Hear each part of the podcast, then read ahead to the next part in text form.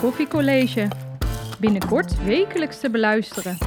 Een podcast waarin Joost Leopold en Brechtje Debe van de Koffieschool je meenemen in de wereld van de koffie.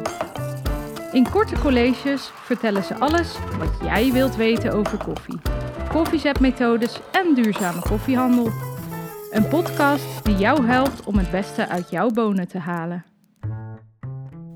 Dus je hebt je espressoapparaat en je hebt je koffiemolen en je hebt prachtige koffie van een koffieaanbieder. Je gaat aan de slag vol goede moed.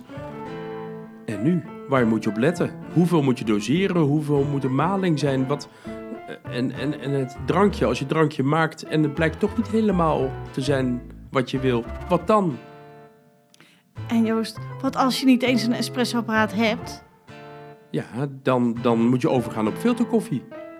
Maar ja, wat voor filter, wat voor water, wat voor maling, wat voor dosering. Help! Ja, help! Want ik ga je antwoorden geven op alles waar je mee zit. In deze podcast. En dan weet je nu wel hoe je je koffie moet zetten.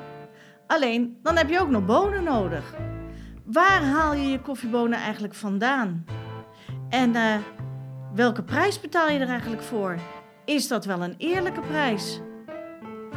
Ja, mijn bonen zijn biologisch. Die zijn dan toch meteen goed? Ja, dan staat er zo'n label op je verpakking. Maar wat betekent dat label nou eigenlijk? Hoe zit het nou eigenlijk met de duurzame achtergrond van jouw koffiebonen? Daar ga ik je alles over vertellen in mijn deel van het koffiecollege.